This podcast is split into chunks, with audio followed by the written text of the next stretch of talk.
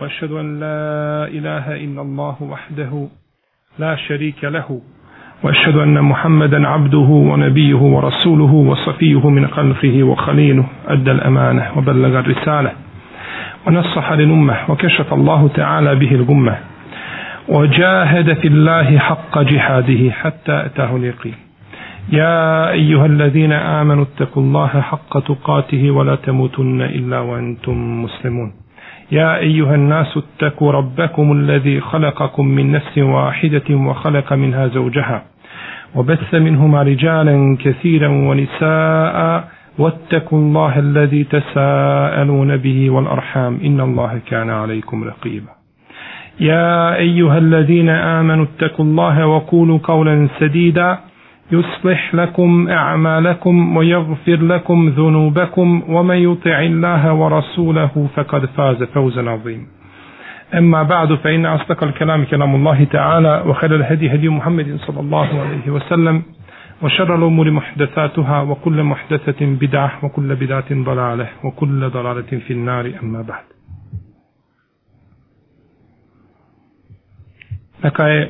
Neizmjerna hvala našem stvoritelju Tabaraka wa ta'ala koji nas je uputio putem kojim će inša Allahu ta'ala on sa nama biti zadovoljan. I molim ga azza wa da nas učvrsti na istini dok ga ne sretnemo njega jednog jedinoga i da nas spoji u dženevskim prostrancima šta našim poslanikom sallallahu alaihi wasallam iskrenim dobrim i šehidima a divni su oni društvo. Jedna od velikih vrlina odlika islama jeste el wasatije a to je umjerenost. Umjerenost u svim segmentima ljudskog života. Bilo da se radi o dinskim ili dunjalučkim stvarima. Pa je umjerenost svugdje pohvalna a odlazak u jednu ili u drugu krajnost je u svim stvarima pogrdan. Uzvišen je Allah te barak je otala nas je poučio kako da dovimo u namazu, svakom namazu. I na svakom rakijatu da kažemo ih dina siral pal mustaqim. Siral pal lazine en'amte alejhim gajri magdubi alejhim wala dalin uputi nas na pravi put, na put onih kojima si svoje blagodati darovao, a ne na put onih na koji si se rasrdio, niti na put onih koji su zalutali. Pa oni na koje se uzvišeni Allah te barake od tala rasrdio, predstavljaju jednu krajnost. A oni na koje se uzvišeni, koje u zabludu, odveo i koji su u zabludi, predstavljaju drugu krajnost A mi smo u sredini, kako kaže uzvišeni Allah, وَكَذَلِكَ جَعَلْنَاكُمْ أُمَّةً وَسَطًا لِتَكُونُوا شُهَدَاءَ عَلَى النَّاسِ وَيَكُونَ الرَّسُولُ عَلَيْكُمْ شَهِدًا I mi vas tako učišmo srednjim ummetom, najboljim ummetom, da budete svjedoci protiv ljudi i da bude poslanik svjedok protiv vas. Pa smo mi srednji umet, najbolji umet. I ljudi često žive između jedne od dvije krajnosti.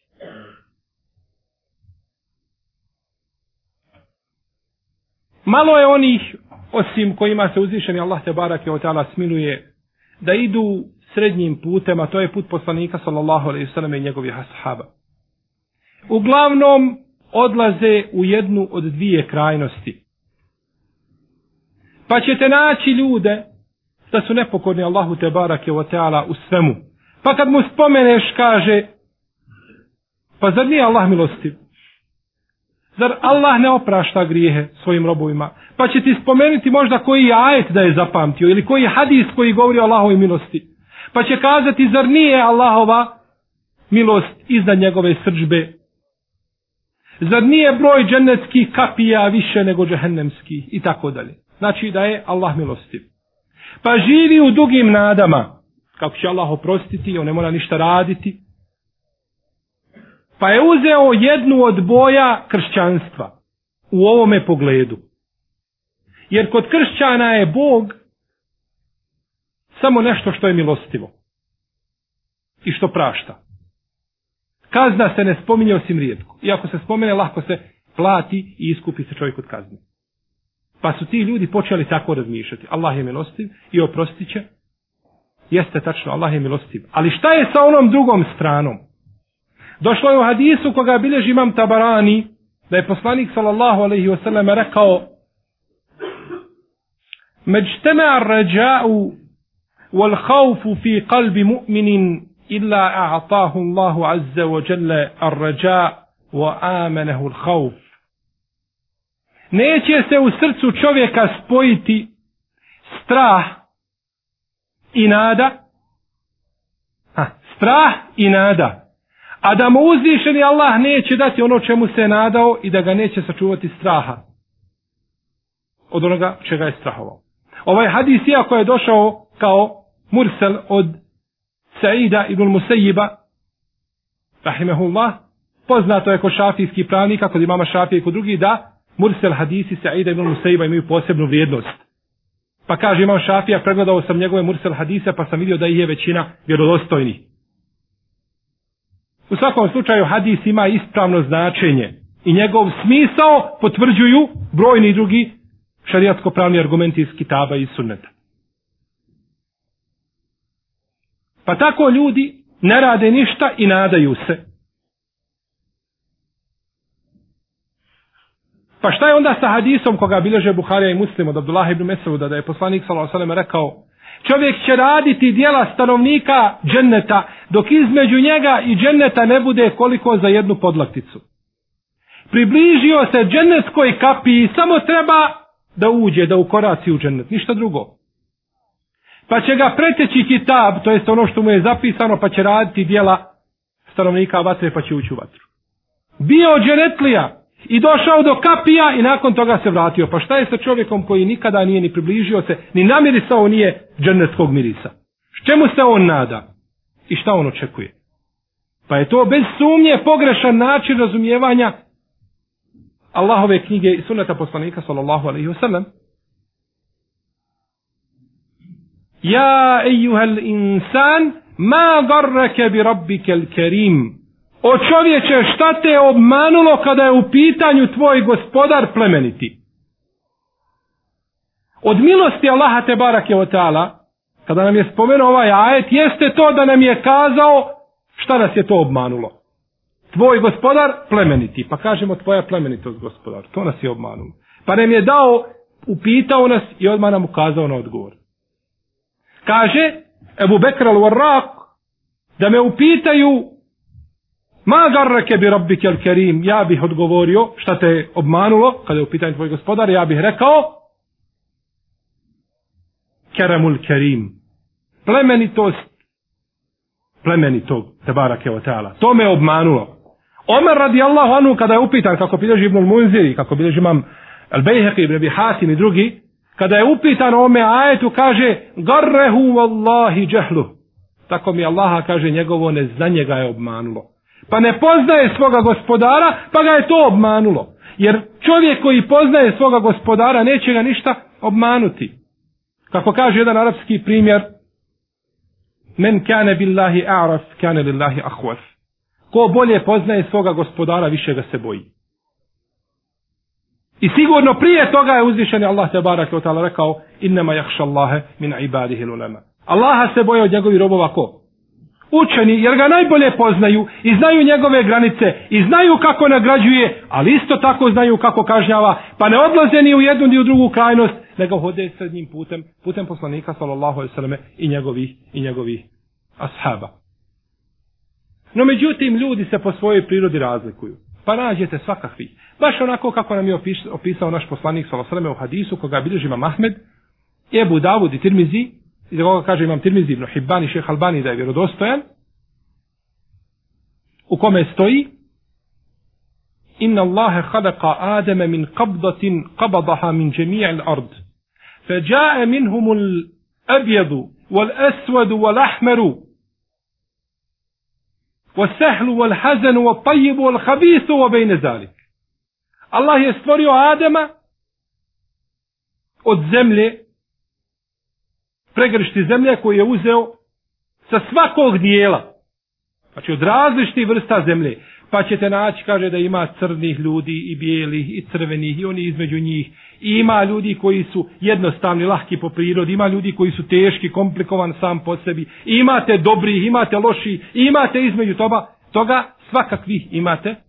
Baš onako kako je feđaje benu adem ala kadril ord. Pa su ljudi došli onako kako je zemlja. Svakakve ima.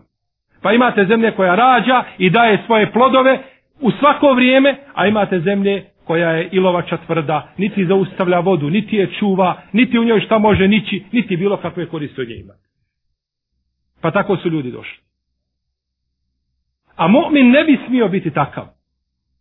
Jer je došlo u hadisu koga nam prenosi Al-Irbad ibn Sarije, radi Allahu anhu, u podužem hadisu poznat vama da je poslanik sa osvijem rekao Aleikum bi sunneti, o sunneti l'hulefaj rašidin, držite se mojih sunneta i moga sunneta i sunneta mojih pravednih vladara, kao da se očnjacima, abdu alejha bin nevađiz, svojim očnjacima se uhvatite. I onda na kraju toga hadisa u jednoj verziji, kod imama Ibnu Mađe, koji ima dobar lanac prenosilaca, e, taj hadis kaže poslanik sallallahu alejhi fe innal mu'mine kel džemelil enif, hajthuma qiden qad, vjernik je kao deva, koja ima u nosu onu halku.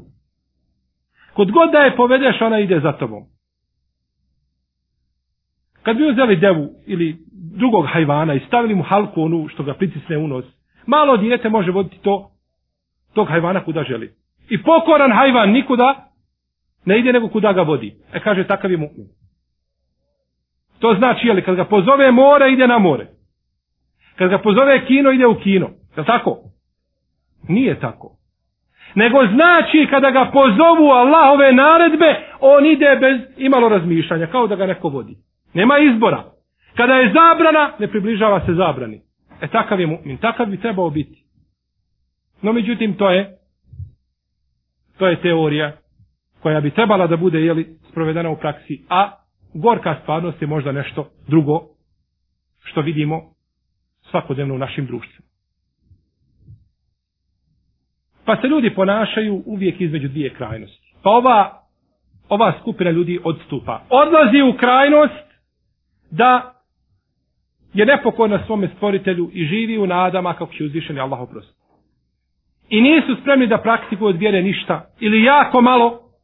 Možda su muslimani uz Ramazan na Bajram sezonski muslimani i kad prođe sezona i oni završe sa svojim islamom i opet do druge sezone i tako.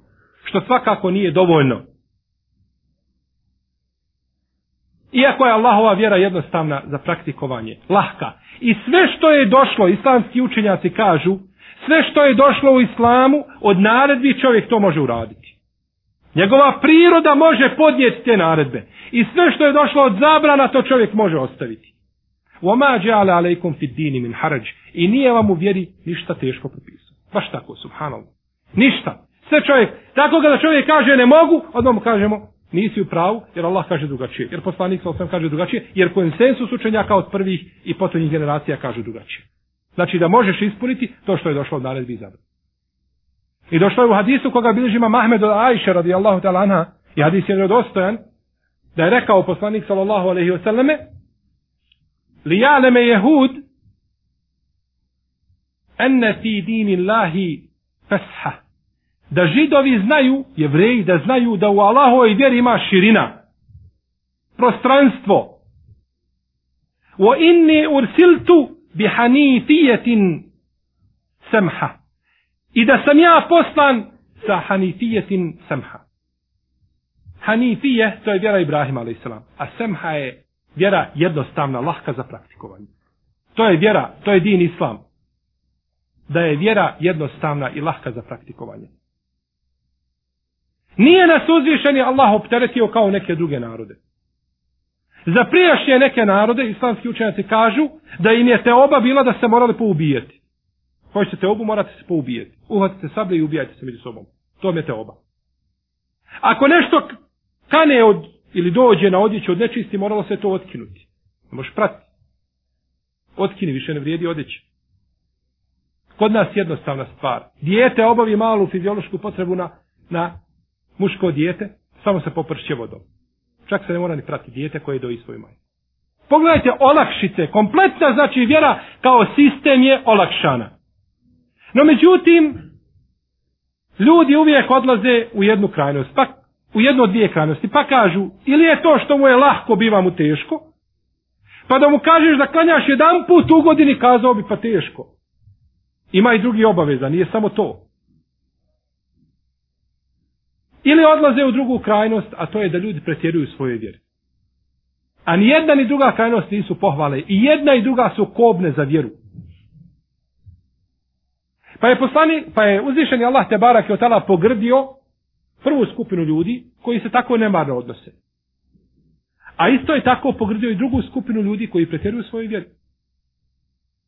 Pa je rekao uzvišeni Allah te barak je ta'ala Ja ehlel kitab, la taglu fi dinikum, wa la takulu ala Allah, ila al haq. O sedbenici knjige, nemojte pretjerivati u svojoj vjeri. Nemojte pretjerivati u svojoj vjeri. Pa je pretjerivanje bilo zabranjeno narodima prije nas. Pa je nama to pretjerivanje isto tako potvrđeno njegova zabrana. Došlo je u hadisu koga nam bilježi Imam Ibn Abi Asim u svome dijelu Sunne i Tabarani sa vjerodostanim lancem prenosilaca od Makila Ibn Jesara radijallahu anhu da je poslanik sallallahu alaihi sallam rekao Sinfani min ummeti la tenaluhuma šefati. Dvije skupine iz moga ummeta neće osjetiti moj šefat. Neće ih zadesiti moj, neće biti počašćeni mojim šefatom. Sultanun valumun gašum. Vladar koji je nepravedan, koji je tiranin. U galim fit din. I čovjek koji pretjeruje u svojoj vjeri. Dvije skupine ljudi nikako neće osjetiti šta? Šefata. Niti će ga dobiti. Niti će biti počešćeni tim najvećim darom na sudnjem danu. Šefat poslanika sallallahu Zbog toga što pretjeruju svoje vjeri. Pa došlo je tako u hadisu kod Buhari od Ebu Hureyre radijallahu anhu da je poslanik sallallahu alaihi wasallam rekao Inne dine yusrun Volen yušade dine ahadun illa galebe. Allahova vjera je jednostavna. Subhanallah, poslanik sallallahu sallam nam postavlja diagnozu vjere. Da znate šta je vjera i kakva je vjera, pa kaže vjera je jednostavna. I kogod bude pretjerivao u svojoj vjeri, ona će ga slomiti. Ali ovo poslanik sallallahu sallam govori o sahabima, vidjet ćemo kasnije, spomenut ćemo i primjer za to. Kako to vrijedi za sahabe, A kako onda da ne vrijedi za nas obične smrtnike i miskine koji molimo Allaha samo da nam svoju milost ukaže. Jer ako ne bude bilo njegove milosti, Allah zna gdje ćemo završiti.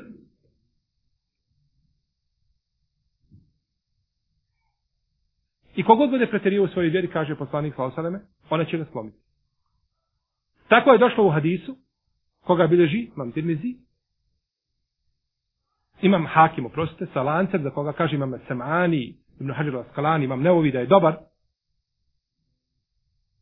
Od Ebu Salebe, al-Hušenija, radijallahu anhu, da je poslanik sa rekao, Inna Allahe farada faraid, faratu daji'uha. Allah vam je propisao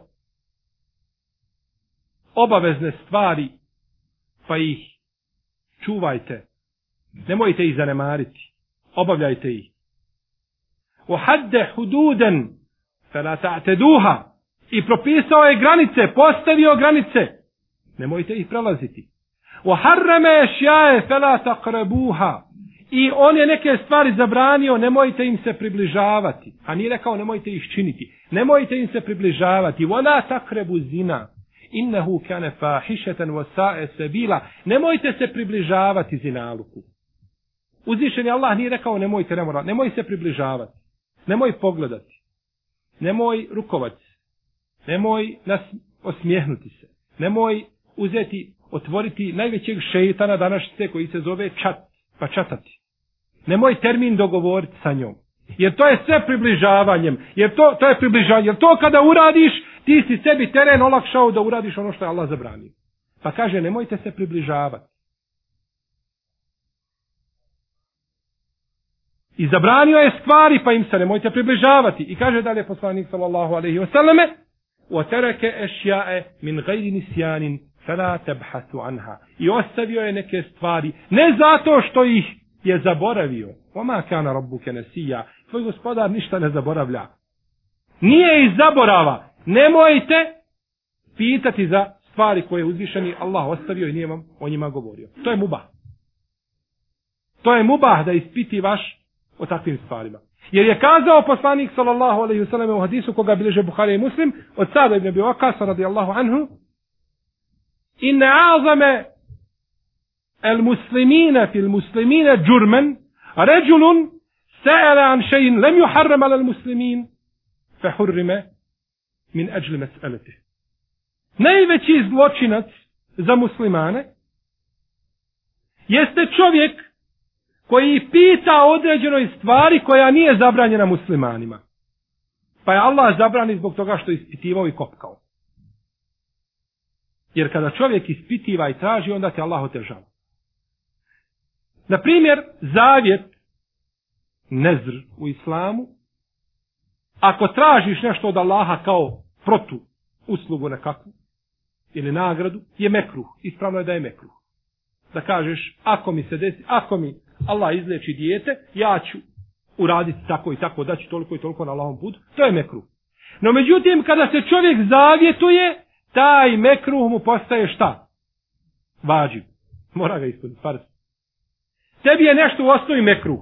I ti je nećeš nego da ideš u taj mekruh. E onda kada sam sebe opteretiš, onda te Allah šta? Još više te optereti.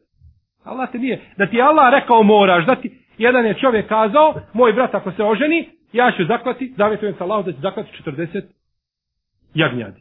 Ako mu se brat oženi. I brat se oženio. Allah dao da se brat oženio. Kaže kakav je propis. Ko te je tjerao da se zavjetuješ? Ima muslimana gladi. Hamdo, nek jedu muslimane, nek se vesele. Da ti Allah rekao, kada ti se Allahov robe, da ti je ovako došao ajet u Kur'an ili hadis, kada ti se brat oženi, moraš zaklati 60 ovaca, ti bi se hvatao za glavu, hodao po šumama i zikrio i kao gospodar moj jesim optereti. Ali sam sebe čovjek šta?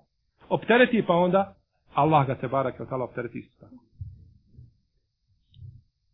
U muslimom sahihu je došao hadis da je poslanik s.a.v. rekao Ja i juhennas, inna Allahe farada alejkum ul hađet huđu. O ljudi, Allah vam je propisao hađ i obavljajte hađ. Pa je ustao Asab, jedan koji se zove Lakra ibn Habis, pa je rekao, e fi kulli amin ja nebi Allah, kaže, je li svake godine Allahu poslaniće? Pa je ušutao. Tri puta ga pita. Allahov poslanik sa osrme ne odgovara. Pa kaže, zeruni ma terektukum. Ostavite me tamo gdje sam vas ostavio. Što ispitivate? Innama heleke men kane kablekum bi kesreti su alihim u ohtilafihim anembijajihim. Uništeni su ljudi, oni koji su bili prije vas, zbog toga što su puno ispitivali i razilazili se sa svojim poslanicima. I da mertukum bi šein, fe'tu min hume statatum, o ida nehitukum an šein, fentehu. Kad vam naredim nešto da učinite, uradite. A kad vam zabranim, onda se klonite toga. Zbog čega? Rekao sam obavite hađ. Ako obaviš jedan put hađ, računao se da si ga obavio. Računa, završena priča. Ne treba, nemaš potrebe ispitivati. Kaže poslanik sa osaname, le ukultu nam le ođebet, vole me statatum. Da sam rekao da treba, bila bi obaveza vađib, a vi to ne biste mogli ispuniti. Znači svake godine kada dođe, prvi zol ili prije toga, morao obi, vamo dole gužva se na aerodromu, da poletiš za Meku, u protivnom kakav ćeš biti musliman ako ne voljaš hađe. Ali nije to Allahov poslanik sada kao i nije nas ti optereti. Stoga je pretjerivanje u vjeri, a ga moje braće i poštovane sestre, da čovjek čini ono što nije činio Allahov poslanik sa vasaleme. I što nisu činila sahabi. I što nije govorila naša ulema, naši učenjaci. To je pretjerivanje u vjeri. Taman bilo i u, u našim očima mizernim stvarima, iako u vjeri nema ništa mizerno. U vjeri ima a, preče od prečeg, ali nema nešto mizerno i nevažno. Ne. Ali Neke stvari su možda u našim očima sitne. A ju, kod ti stvari može priti pretjerivanje u vjeri. Kod imama Nesai u njegovom dijelu ili mučteba u Sunenu i kod Tirmizije i drugih ima predaja da je Ibn Abbas rekao, rekao mi je poslanik s.a.v. na Bajram, ilkut li, kaže daj mi, dodaj mi. Falakattu lehu hasajat hunne hasal hazf. Kaže, pa sam mu dodao kamenčiće koji su poput kamenčića koji se stavljaju na prst pa se bacaju iz prsta. Kad stavi kamenčić na prst pa se utegne pa se baci. Što je poslanik s.a.v. zabranio? Da se čini, jeli? Kaže, felemma wada'tu hunne fi yadihi. Kale bi emsali haula. Bi emsali haula. Pa kada sam te kamenčiće stavio u njegovu ruku rekao je ovakve kamenčiće ovakve kamenčiće bacajte. O iyyakum al fi din o iyyakum al fi din fa innama ahlaka man kana qablakum al gulubu fi din ovakve kamenčiće bacajte poput bobe graha otprilike. Toliko tu negdje I čuvajte se pretjerivanja u vjeri. I čuvajte se pretjerivanja u vjeri. U istinu su, u istinu su uništeni prije vas oni koji su pretjerivali u svojoj vjeri. Znači, ako uzmeš kamenčić veći od onoga koga je bacao poslanik, sa osvijem ti pretjeruješ šta u svojoj vjeri. U bacanju kamenčića koji se bacaju na hađu, na mini, u tome je pretjerivanje u vjeri. Pa šta mislite onda o načinu obavljanja farzova ili razumijevanju cjelokupne vjere i tako dalje? Šta je to? Stoga je uzvišeni Allah te barake od učinio u svakom stoljeću. Ne u svakom stoljeću, u svakom mjestu i u svakoj godini ljude koji će braniti sunet poslanika sallallahu i govoriti i upozoravati na jednu od dvije krajnosti. Pa je tako došlo u hadisu koga bilježi imam al-Bezar, Ibn Abdul Beru svome djelu šarafu ashab hadis i drugi, sa lancem za koga kaže Hakim i Zehebi i šeh Albani, imam Ahmed, i je vjerodostojan, da je poslanik s.a.v. rekao Jahmilu hazel ilme min kuli halefin udulu, jen pune anhu tahrif al-galin, ontihal al-mubtilin, o ta'wil al-đahilin. Ovo znanje nosi iz svake generacije pouzdana skupina. U svakoj generaciji ima skupina koji nose šarijatsko znanje. Jenfune anhu, čuvaju ga od, prva stvar koja je spomenuta, tahrif al gali. Od iskrivljavanja ljudi koji pretjeruju svoje vjere. Čuvaju. Pa je to za nje čuvano. I koliko god ljudi pretjerivali, neće se za nje iskriviti. Ali štete sebi i štete ljudima oko sebe. No međutim, da se, da se moje riječi ne bi razumijele pogrešno, pa da se ne bi shvatilo da je držanje za sunnet pretjerivanje u vjeri, trebamo napraviti jednu kratku pauzu, pa kazati. Pretjerivanje u vjeri je ono što nije poznato u dinu. Da činiš nešto što nisu činili naši prethodnici. To je pretjerivanje u vjeri. Nije pretjerivanje i ne smatra se pretjerivanjem u vjeri da čovjek bude čvrst i žestok u sljeđenju sunneta poslanika. Nikako. Niti u tome da ištihadi u ibadetima, da bude pokoran, da izvršava naređeno, da se čuva zabranjenog, da uči svoje dijete iz mali nogu islamu, da pokrije svoj curcu u prvom ili drugom ili trećem razredu osnovne škole. To nije pretjerivanje u vjeri. Nije pretjerivanje u vjeri da čovjek ima bradu. Niti je nikav pretjerivanje u vjeri. Niti je ostavljanje duhana pretjerivanje u vjeri. Ne. To je sve dini vjera i to sve treba praktikovati. Pretjerivanje u vjeri su stvari koje nisu poznate dini. I koje nisu poznate našim prethodnicima. Jer kako god čovjek koji ne dotjeruje u svojoj vjeri, skreće sa puta poslanika sa osrme, svojim nedotjerivanjem, tako i čovjek koji pretjeruje skreće sa pravoga puta. Sa puta Rasulullah sallallahu alaihi sallame, njegovih ashaba i imama ovoga ummeta. Pa ponekad nam se dešavaju stvari, nažalost, koje ruše vjeru, a čovjek to i ne osjeti. Neki dan sam dobio pitanje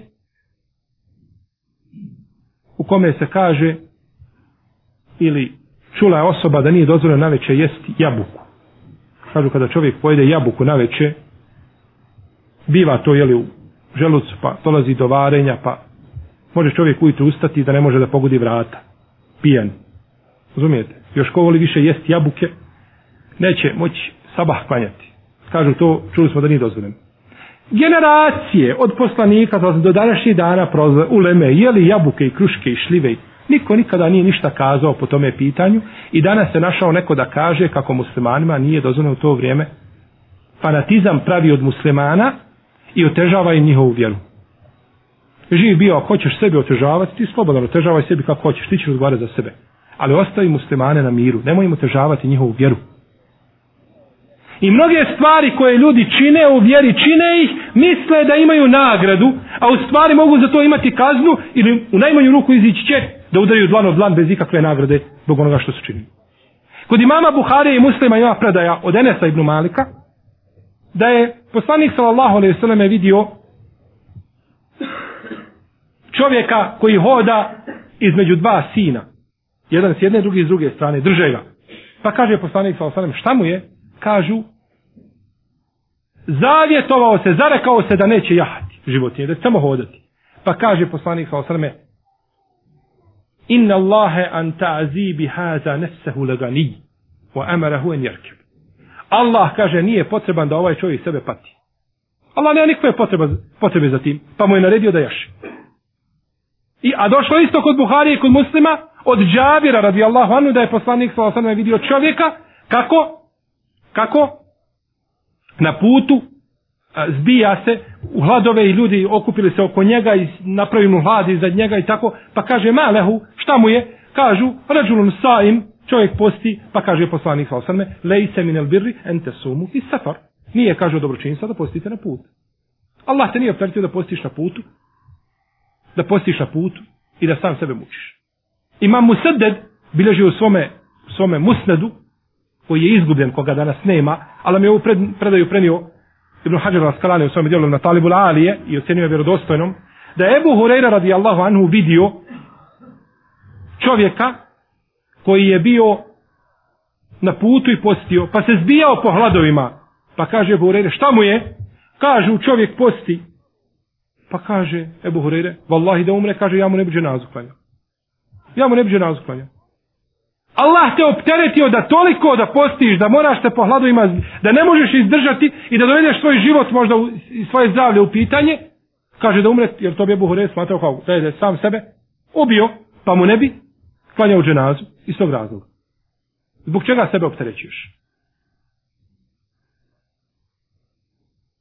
Imam Ahmed i Tabarani bilježe predaju vjerodostojnu od Ibnu Omara, za nju kaže Ahmed Šakir da je vjerodostojna i kaže imam Elejse mi da je dobra. Da je čovjek rekao Ibnu Omaru, ja Abderrahman, inni le akva ala sijami fi safar. Kaže, ja mogu, osjećam se toliko jakim da mogu postiti na putu.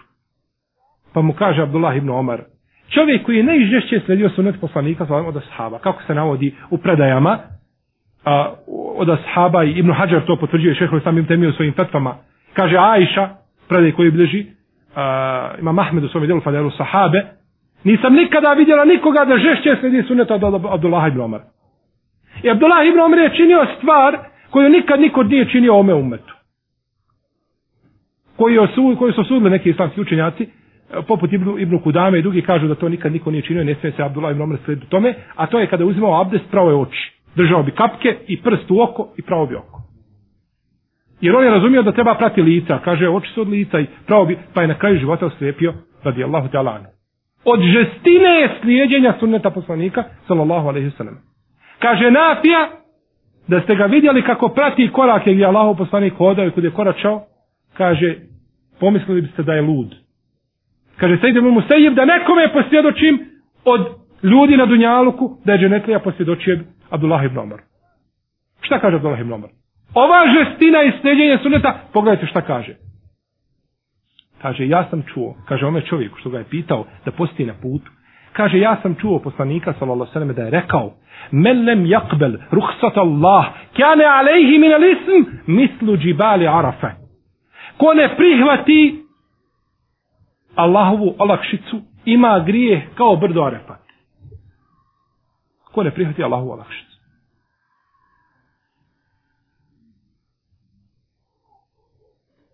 Abdullah ibn Amr ibn Las je poznati ashab i učenjak ovoga umeta i Sakupio je hadisa više od Ebu Horeire. Kako je posvjedočio Ebu Horeire u tome? Ali je manje prenio zbog svoga ibadeta. On je od onih devet koji najviše prenose, najmanje ih prenio. Zbog svoga ibadeta često. Pa ga je njegov babo ženio. Pa jednoga dana babo sreo tu svoju snahu i kaže, kako je moj sin? Kaže, dobar je tvoj sin, rob svome gospodaru. A kaže, što se tiče mene, kaže, on sa mnom nikog kontakta nema. Ja sam se udala za njega i kao da se nisam udala. Stalo i badetima. Pa se je požalio poslaniku, sallallahu sallam, pa ga je pozvao Allahov poslanik. Pa mu kaže, tvoje tijelo ima svoje pravo. Ha?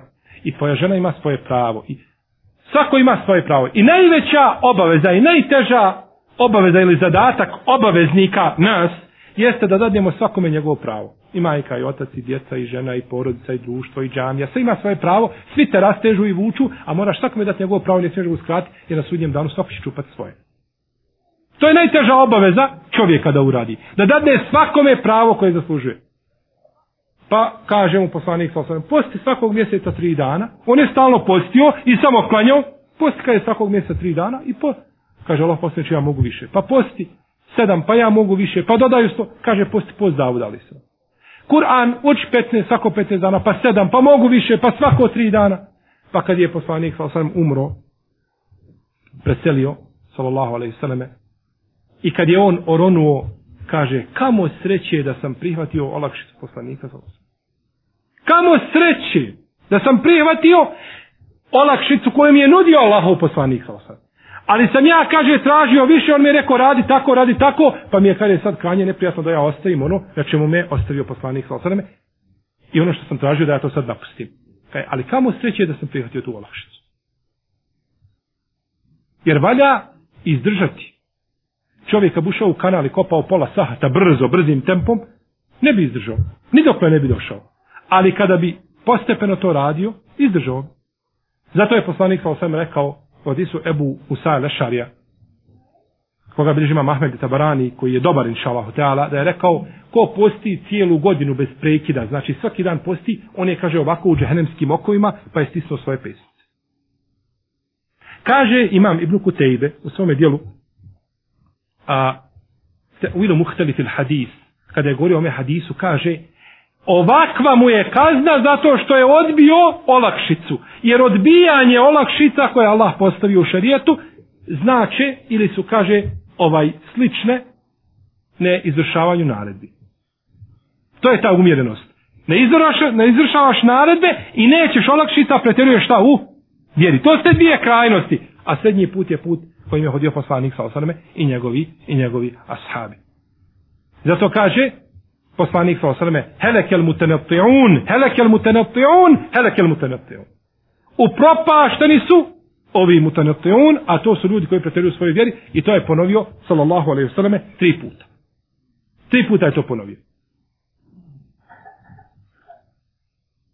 Kaže imam Tahavija u svojoj poslanici ovako. O dinu Allahi fi semai wal ardi wahid, wa huwa dinu islam Allahova vjera na nebesima i na zemlji je jedna i to je islam. Vohuve bejne el guluvi od taksir. I to je vjera između pretjerivanja i nedotjerivanja. Obejne at-tashbih wa ta'til. I između utjelovljavanja Allaha i negiranja njegovih svojstava. Kada su pitanja Allahova svojstva. To su dvije krajnosti. Obejne el kaderi u el džebri. Između kaderija i džebrija. Kaderije koje poriču kader, nema kadera. I džebrije koje kažu čovjek je prisiljen da radi, što god uradi, bio je prisiljen na to. Nije se mogao izvu, nije mogao ovaj on uraditi ništa svojom voljom. Obejne el emeli jesi. I između, i između nade i očaja. To je strah i nada. Pogledajte. Ni jedna ni druga krajnost nego između toga. Zato kaže šeho li sami nute imije, kaže inne šarija neha anil guluvi fi dini nehje namen fi re'tikadat wal amal. Zakonodavac je zabranio pretjerivanje u vjeri općenitom zabranom, bilo da se radi o akivi ili da se radi o, o propisima. A kaže Ibn Hajar u svome dijelu Fethul Bari, La yata'ammaku ahadun fi al-a'mali ad-diniyya wa yatruku rifq illa ajaza wa se fa. Kogod kaže ostavi kogod ostavi tu blagost u vjeri i olakšite koje mu se nude i uzme za žestinu i pretjerivanje neće izdržati. Malaksa će i neće izdržati pa će na kraju biti pobjeđen. Prekinut će činiti dobra djela. Kaže Abdullah ibn Mesud, kako bliže vam dari mi, sa ispravnim lancem prenosilaca, nisam vidio nikoga da je žešći na, o, e, prema ljudima koji su pretirivali u svojoj vjeri od poslanika sa osrme. Bio najžešći prema njima.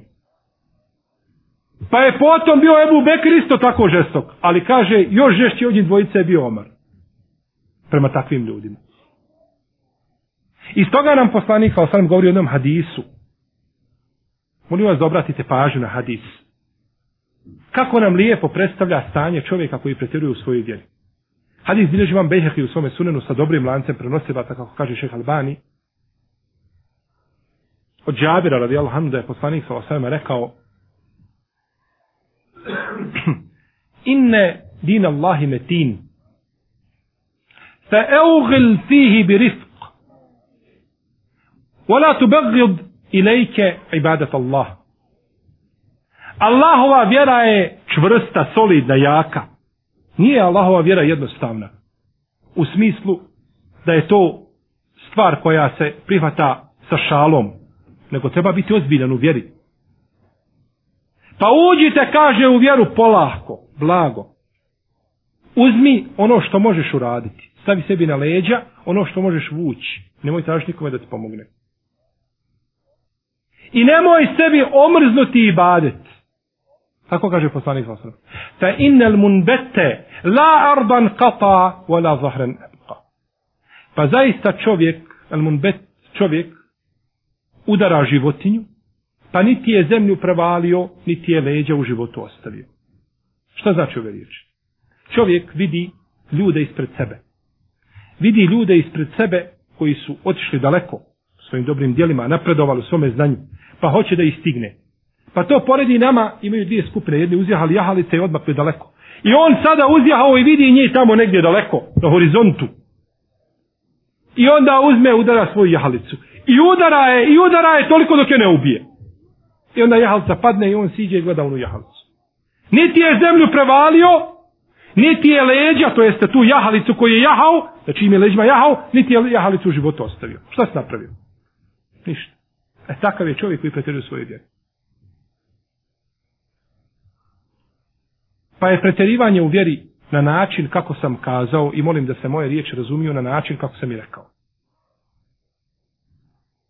Pogrdno u šerijatu i nije pohvalno. I kobno je za ljude i što je problem što ta to pretjerivanje u vjeri u mnogim slučajima prelazi svoje granice pa ima utjecaj na druge. Mi smo svjedoci danas da ima različitih vidova pretjerivanja u vjeri ovih ili onih oblika i boja, različitih formi, svako pretjeruje s svojim nekakvim ubjeđenjima. Koja je dobio sa ove ili one strane.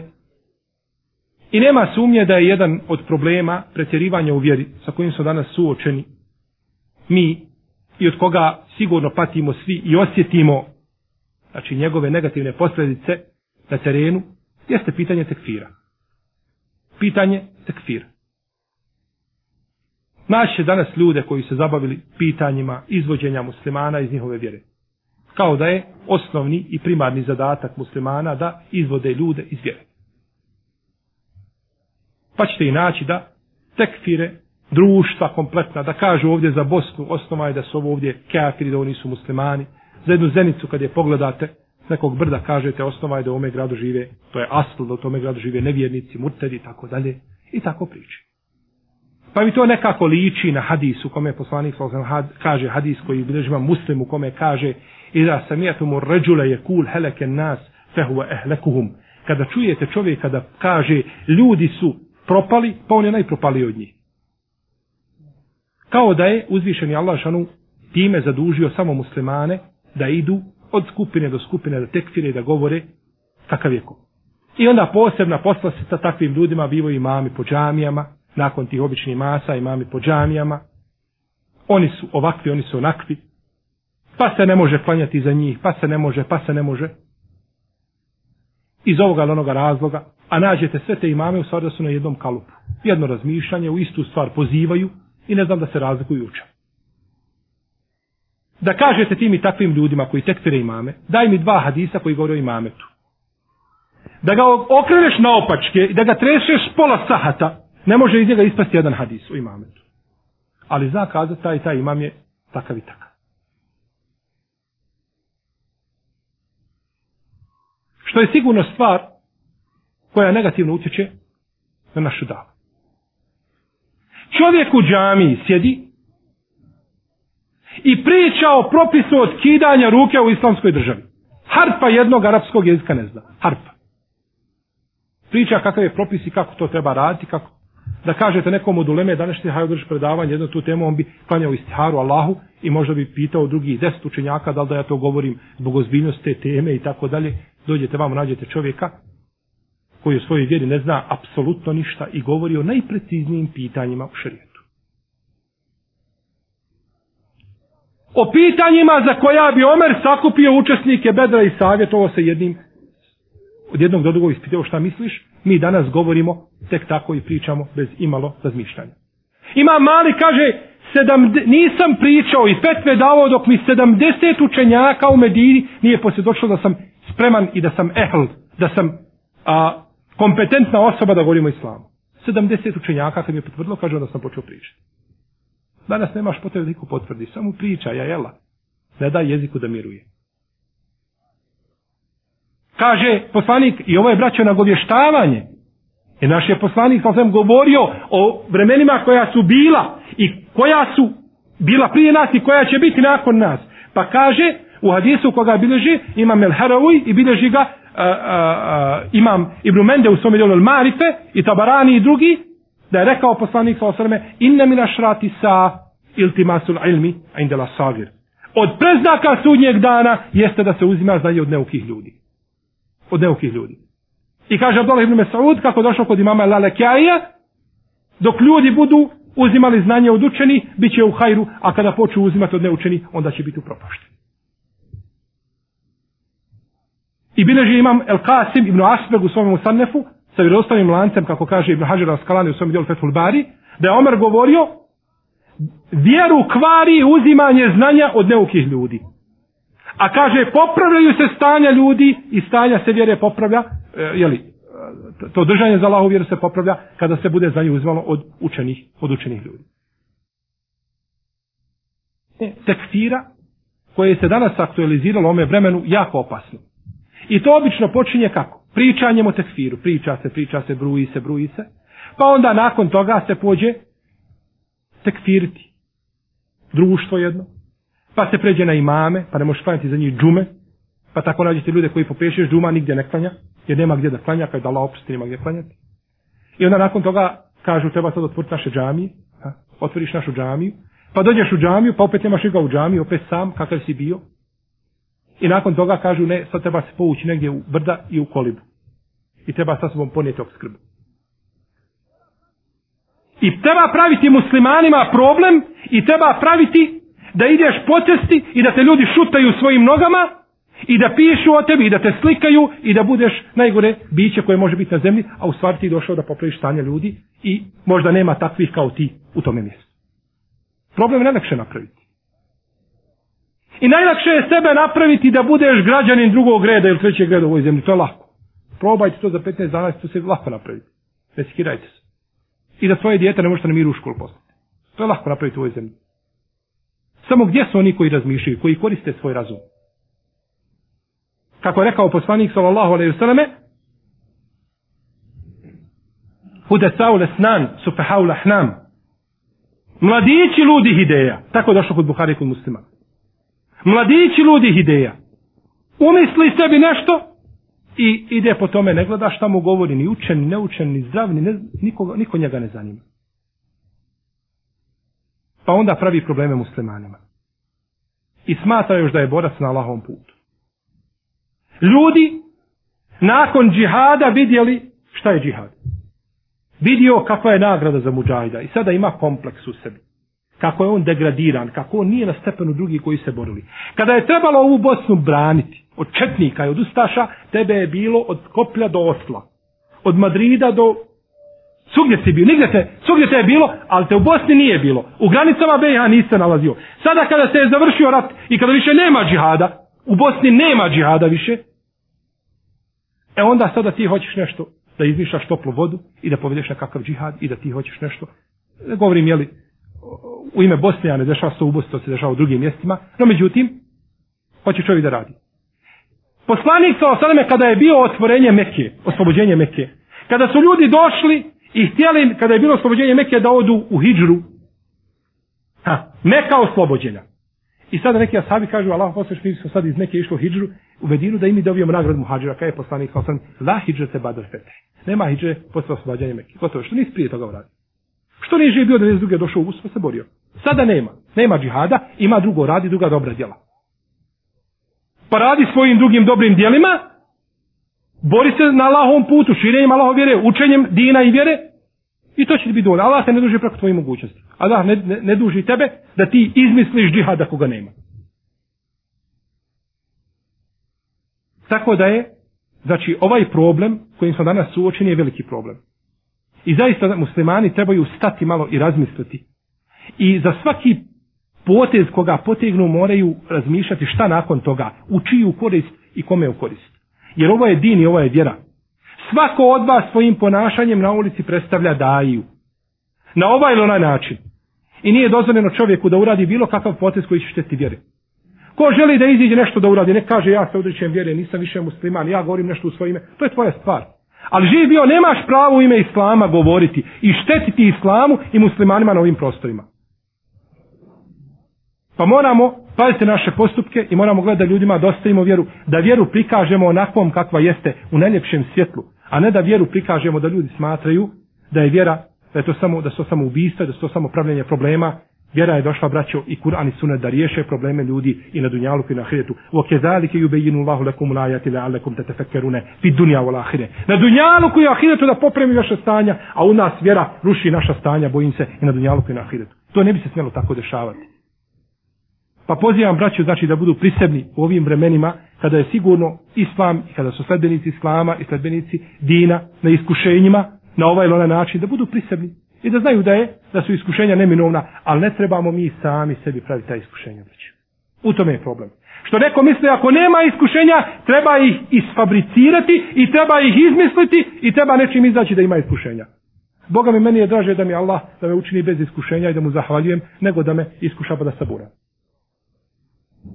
Kao što nam je draže da nas Allah učini da smo bogati, pa da mu zahvaljujemo da dajemo na njegovom putu, nego da nas učini da smo siromaši pa da se Je li tako?